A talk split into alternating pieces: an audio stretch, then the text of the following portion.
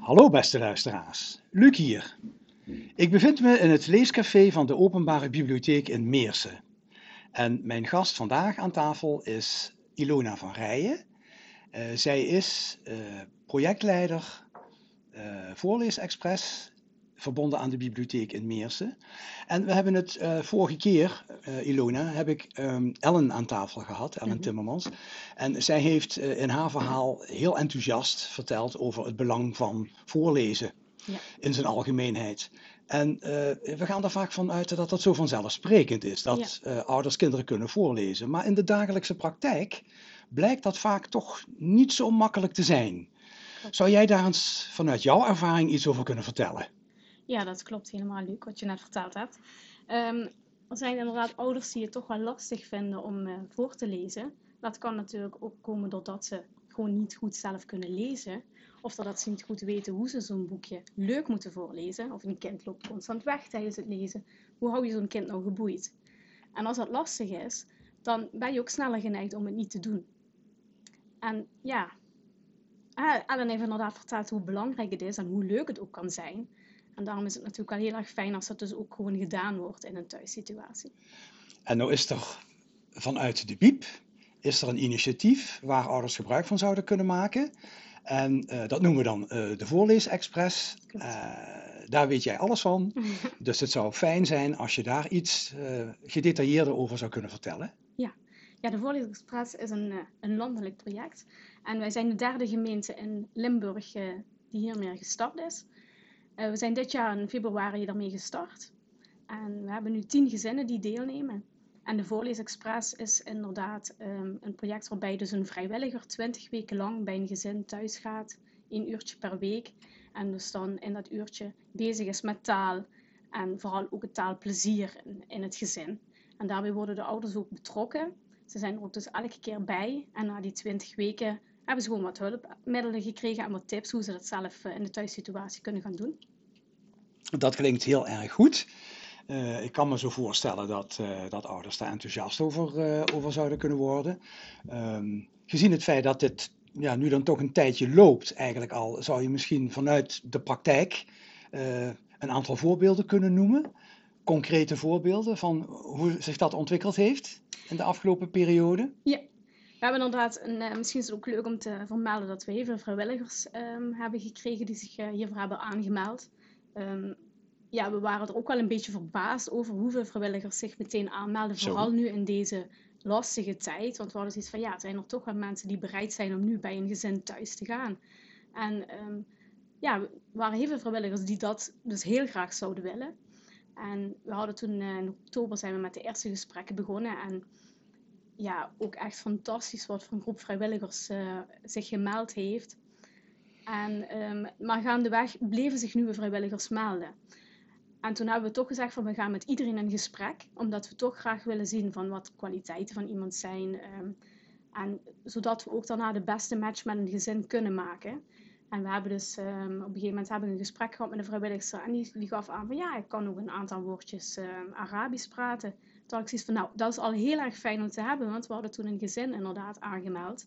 Uh, Arabisch sprekend gezin. Toen dacht ik nou, dat is heel fijn als dan deze vrijwilliger bij dat gezin uh, kan gaan het gezin voelt zich dan toch meteen ook weer iets vertrouwder met een persoon. Ah, dat is het niet veel, maar ze kan iets in het Arabisch zeggen. Dat is voor een gezin toch e- ook heel vaak gewoon toch vertrouwd en heel fijn. Het zal meteen al wat drempelverlagend werken. Precies, precies. En dat werkt gewoon heel goed. Dus als je gewoon veel vrijwilligers hebt, dan kun je ook gewoon echt de beste match maken met het gezin. Zou je kunnen aangeven wat. Uh, ik kan me zo voorstellen dat er mensen zijn die, die zitten te luisteren en die zeggen: Goh, misschien is dat ook nog wel wat voor mij. Wat is nou, laat ik, laat ik het noemen, de kernkwaliteit waar zo'n vrijwilliger aan, aan moet voldoen? Het is vooral, het belangrijkste. Ja, het is vooral belangrijk dat je gewoon ook wel feeling met taal hebt en dat je weet hoe belangrijk taal is. Uh, en dat je het gewoon heel erg fijn vindt om kinderen en ouders daarin te ondersteunen. En het is niet zo dat we gaan, kinderen beter gaan leren voorlezen of, of uh, Nederlandse taal gaan leren, want dat denken ook wel best wel wat vrijwilligers van oké, ik moet nu een kind Nederlands gaan leren. Dat is absoluut niet de bedoeling. Wij gaan kijken wat er in de thuissituatie qua taal nog meer gedaan kan worden. En is dat in de thuistaal, dan is dat in de thuistaal. Dus uh, daar, daar richten we ons vooral op. En ehm, mede daardoor hebben we ook ehm, meerdere anderstalige boeken aangeschaft, zodat ouders ook meer in hun eigen taal daarin bezig kunnen zijn. Dus dat is vooral het belangrijkste, dat je gewoon gaat kijken van wat er in het gezin het, het fijnste past binnen dit gezin om te doen, zodat er meer met taal gedaan kan worden. En dat kan inderdaad voorlezen zijn, maar dat kan ook als, ah, als je als ouder dat dan toch lastig vindt, dan wordt er gekeken, kunnen er misschien taalspelletjes gedaan worden of andere manieren waarmee je met taal bezig bent. Heel goed.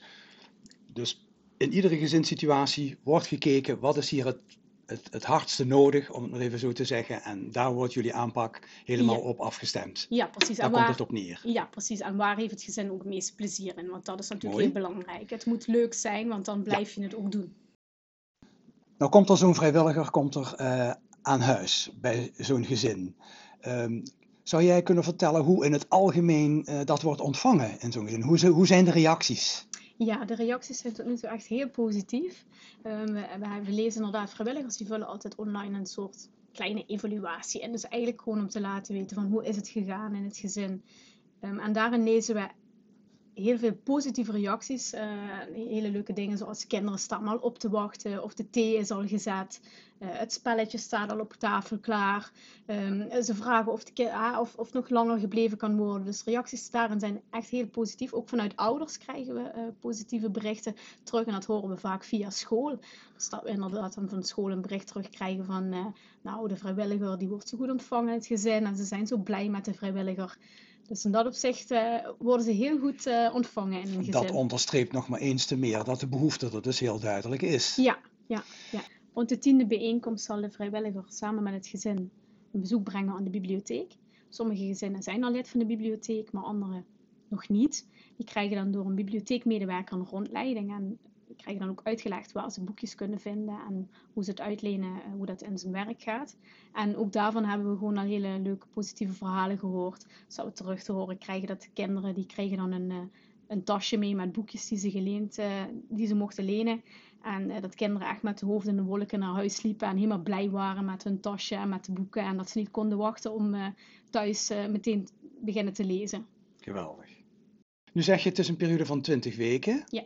Um, houdt het daarna dan ineens op? Of wordt er een soort vervolg aangegeven? Wat moet ik me daarbij voorstellen? Ja, in principe houdt het qua vrijwilliger die dan in de thuissituatie komt, houdt het op. We zien nu wel dat uh, een aantal vrijwilligers al de vraag stellen um, of er bijvoorbeeld voor de ouders nog iets uh, gedaan kan worden. Dus ze vragen voor een taalmaatje, zodat ouders toch ook meer met de Nederlandse taal bezig willen zijn. Dus in dat opzicht kan het dan doorlopen, maar dus dan in een andere vorm. Ja. Qua voorleesexpress willen we heel graag wel uh, aan het einde van elk seizoen dat alle gezinnen en de vrijwilligers uh, in de bieb uitgenodigd worden, zodat, we, zodat ze ook kennis maken met elkaar en zodat ze ook gewoon de bieb blijven vinden en zodat dat gewoon een, een fijne plek wordt om naartoe te kunnen gaan. Een super initiatief, lijkt me. Ja. En laten we hopen dat uh, de ouders de weg weten te vinden om hier gebruik van te kunnen maken als ze dat nodig achten. Ja. En uh, hopen ook dat uh, de ouders daarna en misschien ook de kinderen, uh, of zeker weten wel de kinderen, de weg naar de bieb weer weten te vinden. Ja, als ouders nu interesse hebben, dan kunnen ze zich altijd bij de school of de peuterspeelzaal of kinderopvang melden. Dat is goed om nog even te vermelden. Want die zijn inderdaad de toeleiders. Nou, Ilona, hartelijk dank voor dit gesprek. Graag gedaan jou, jouw enthousiasme is ook duidelijk. en laten we hopen dat we het fijn kunnen overbrengen op, uh, op de luisteraars. Ja. Dankjewel. Graag gedaan.